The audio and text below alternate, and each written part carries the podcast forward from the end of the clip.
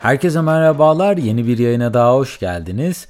Her geçen yıl giderek daha da popüler hale gelen yurt dışında dil eğitimi konusunu bugün kendi tecrübelerim ve bu alandaki son gelişmeler ile bu yayında ele almak istiyorum. İsterseniz buyurun daha fazla beklemeden hemen konunun detaylarına geçelim. Bu arada yaptığım yayınları beğeniyor ve yeni yayınları kaçırmak istemiyorsanız dinlediğiniz platformlardan abone olarak tüm yayınlara anında ulaşabilir veya Patreon üzerinden bana destek olabilirsiniz. Yeni bir dili öğrenmek pek çok insan için yapılacaklar listesinde her zaman yerini alır. Özellikle daha lise ve üniversite çağında olanlar için ikinci bir dili öğrenmek çok daha fazla kapıyı onlar için açabilir. Türkiye'deki eğitim sisteminde yani neredeyse ilk okuldan üniversite son sınıfa kadar İngilizce eğitimine bir yer verilse de pek çok kişi İngilizceyi bu eğitimle ne yazık ki öğrenemez. Ben de lisede ve üniversitede hazırlık okumuş bir de üstüne üniversitedeki eğitimin tamamını İngilizce olarak almış biri de olsam İngilizcemi yeterli hiçbir zaman bulmadım. Üniversitenin ikinci sınıfının sonunda staj için rüzgar enerjisi santraline gittim ben ve oradaki yüklenici firmalardan biri İspanyol bir firmaydı. Her hafta başı da bütün mühendis ekibi bir araya gelip haftalık değerlendirme toplantısı yapıyorlardı.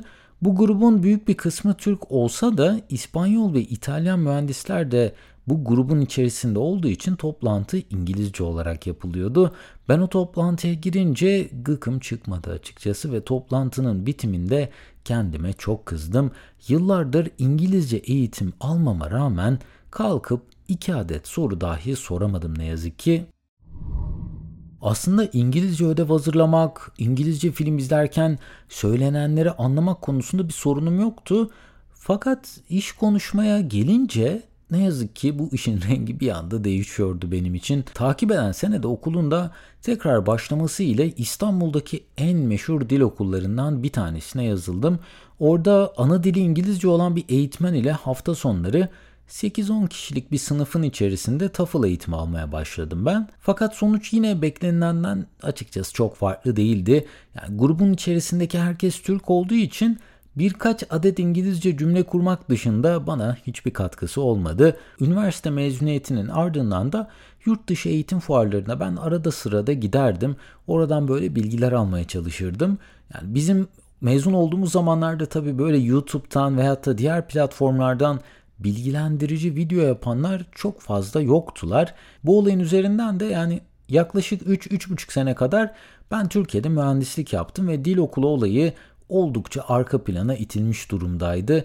Fakat artık YouTube'tan yurt dışındaki eğitimleri anlatan çok sayıda insan vardı ve onları takip etmeye başladım. Ben o dönemlerde Orta Doğu'da sözleşmeli olarak bir firmada çalışıyordum ve iki seçeneğim vardı. Biriktirdim bu parayla yurt dışına gidip yani özellikle Amerika'ya gidip dil eğitimi alma fikri bir kafamı kurcalamaya başlamıştı.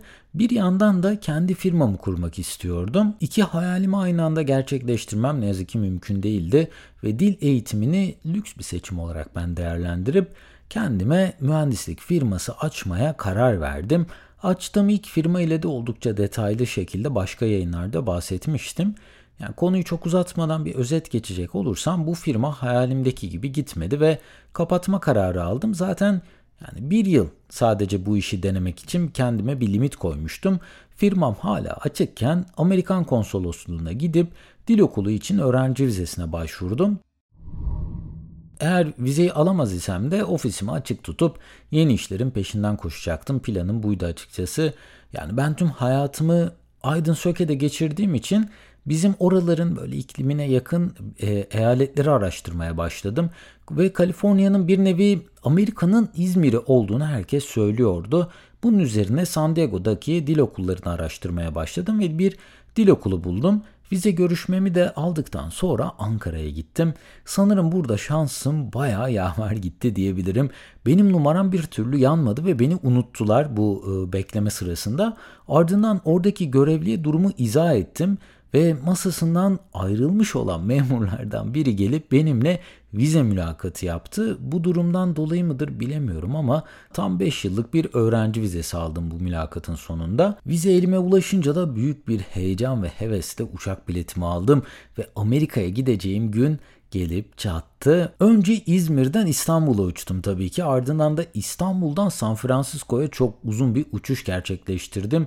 San Francisco'dan da San Diego'ya sonrasında uçtum. Neredeyse tam bir günüm uçaklarda ve havaalanlarında geçti. Ertesi gün San Diego'ya vardım ve ilk hafta okulum yoktu. Yani ben bir hafta erken gittim. Yani hem ortama biraz ayak uydurabilmek hem de okuldan önce dilimi birazcık da olsa geliştirebilmek istemiştim. Birkaç turistik yere gidip birkaç restoranda yemek yedikten sonra şehre biraz daha alıştım ve okula başlayacağım gün geldi. İlk gün bir e, seviye belirleme sınavı oldu ve birebir konuşma, yazma, dinleme üzerine bir teste tabi tutulduk. 5 seviye üzerinden ben 3. seviyede çıktım ve herkesi kendi seviyesine göre sınıflara yerleştirdiler. Mart ayının son haftasında ben bu dil okuluna başladım. Açıkçası bu okul San Diego'daki en ucuz dil okullarından bir tanesiydi. Buna rağmen sınıfta sadece 6 kişi vardı ve genç ve çok böyle istekli bir eğitmen bize bu eğitimleri veriyordu. Yani dil okulları genellikle haftada 3 ya da 4 gün oluyorlar. Yani sabah 9'da başlayıp öğlen 1'de de dersler bitiyor. Çok fazla ödev e, adına bir şey olduğunu açıkçası ben söyleyemem. İlk haftalar bu dil okuluna gitmekten ben çok keyif aldım. E, fakat yaz ayının gelmesiyle de öğrenci akımı bir anda buraya başladı. Yani benim bulunduğum sınıf 20-24 kişilere çıktı neredeyse.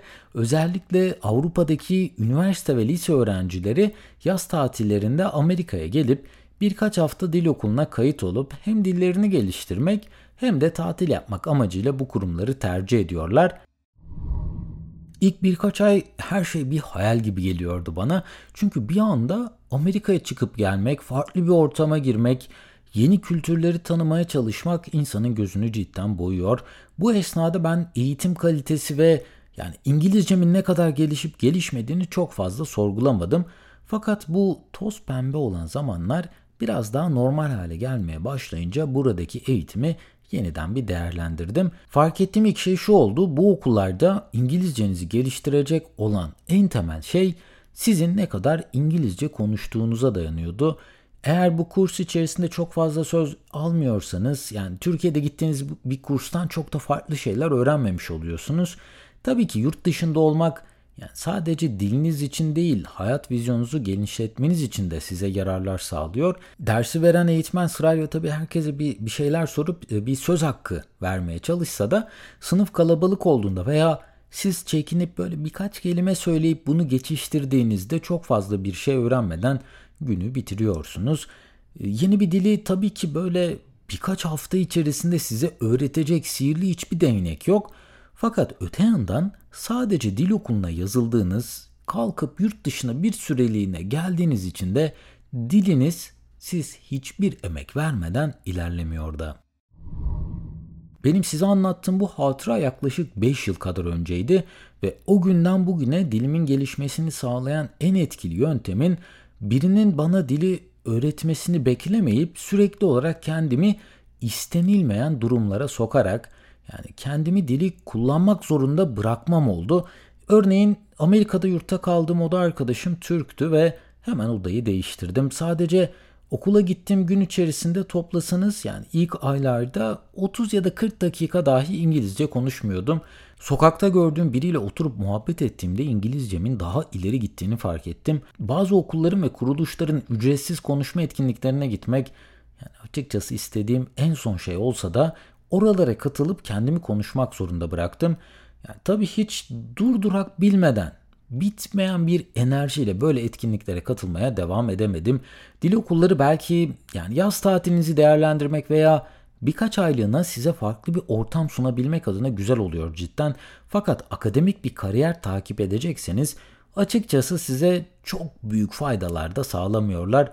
Yani kurs bitiminde size bir A4 kağıda daha önceden masa üstüne kaydettikleri böyle bir dosyadan bir önceki öğrencinin ismini silip sizin isminizi yazarak bir bitirme sertifikasını yazdırıyorlar ve zaten bir hafta kalmadan da onu kaybediyorsunuz. Eğer dil okuluna biraz eğlenmek, biraz dilinizi geliştirmek amacıyla geldiyseniz bence verdiğiniz her kuruşa cidden değiyor. Yani ben sadece kendi cebimdeki parayla çıkıp Amerika'ya geldiğim ve kimseden destek almadığım için en ucuz okullardan birini tercih ettim. 2018 yılında aylık 500 dolara ben bu okula yazılmıştım. Yani şimdi bu fiyatlar tabii ki çoktan değişmiştir. Bir de ben e, hiçbir aracı firma olmadan direkt bu okulu kendim bulup yazılmıştım. Fiyatlar o yüzden de çok pahalı değildi. En ucuz okulda olmanın dezavantajı olarak söyleyebileceğim tek şey bazen sınıfların çok kalabalık olmasıydı diyebilirim. Yani bunun dışında rahatsızlık duyduğum veya beğenmediğim bir kısmı çok da olmadı. Ve ben başka diğer okullara da gitme şansım olmuştu. Çok yakın bir arkadaşım e, bu San Diego'daki en üst düzey diyebileceğimiz, en lüks, en pahalı diyebileceğimiz okullardan bir tanesine gidiyordu. Yani fark olarak şunu gördüm. Sınıfların içerisindeki kullanılan malzemeler, işte projektörler, bilgisayarlar, her öğrenciye verilen bilgisayarlar gibi böyle şeyler daha şeydi. Daha kaliteliydi açıkçası. Ve kafeterya alanı, ortak etkinlik alanları çok fazlaydı. Yani tabii bu yine de İngilizcenize birebir fayda eder mi? Orasını ne yazık ki ben bilemeyeceğim. E, sadece kıyasladığımda beni rahatsız eden yani en yüksek okul ile en düşük okul fiyat olarak tabii bahsediyorum. Sadece bu düşük okulda bazen sınıfların kalabalık olmasıydı. Onun dışında yani en yüksek projektörün bu ucuz olan okulda olmaması beni açıkçası çok da rahatsız etmedi. Fakat ben ilerleyen zamanda şunu fark ettim.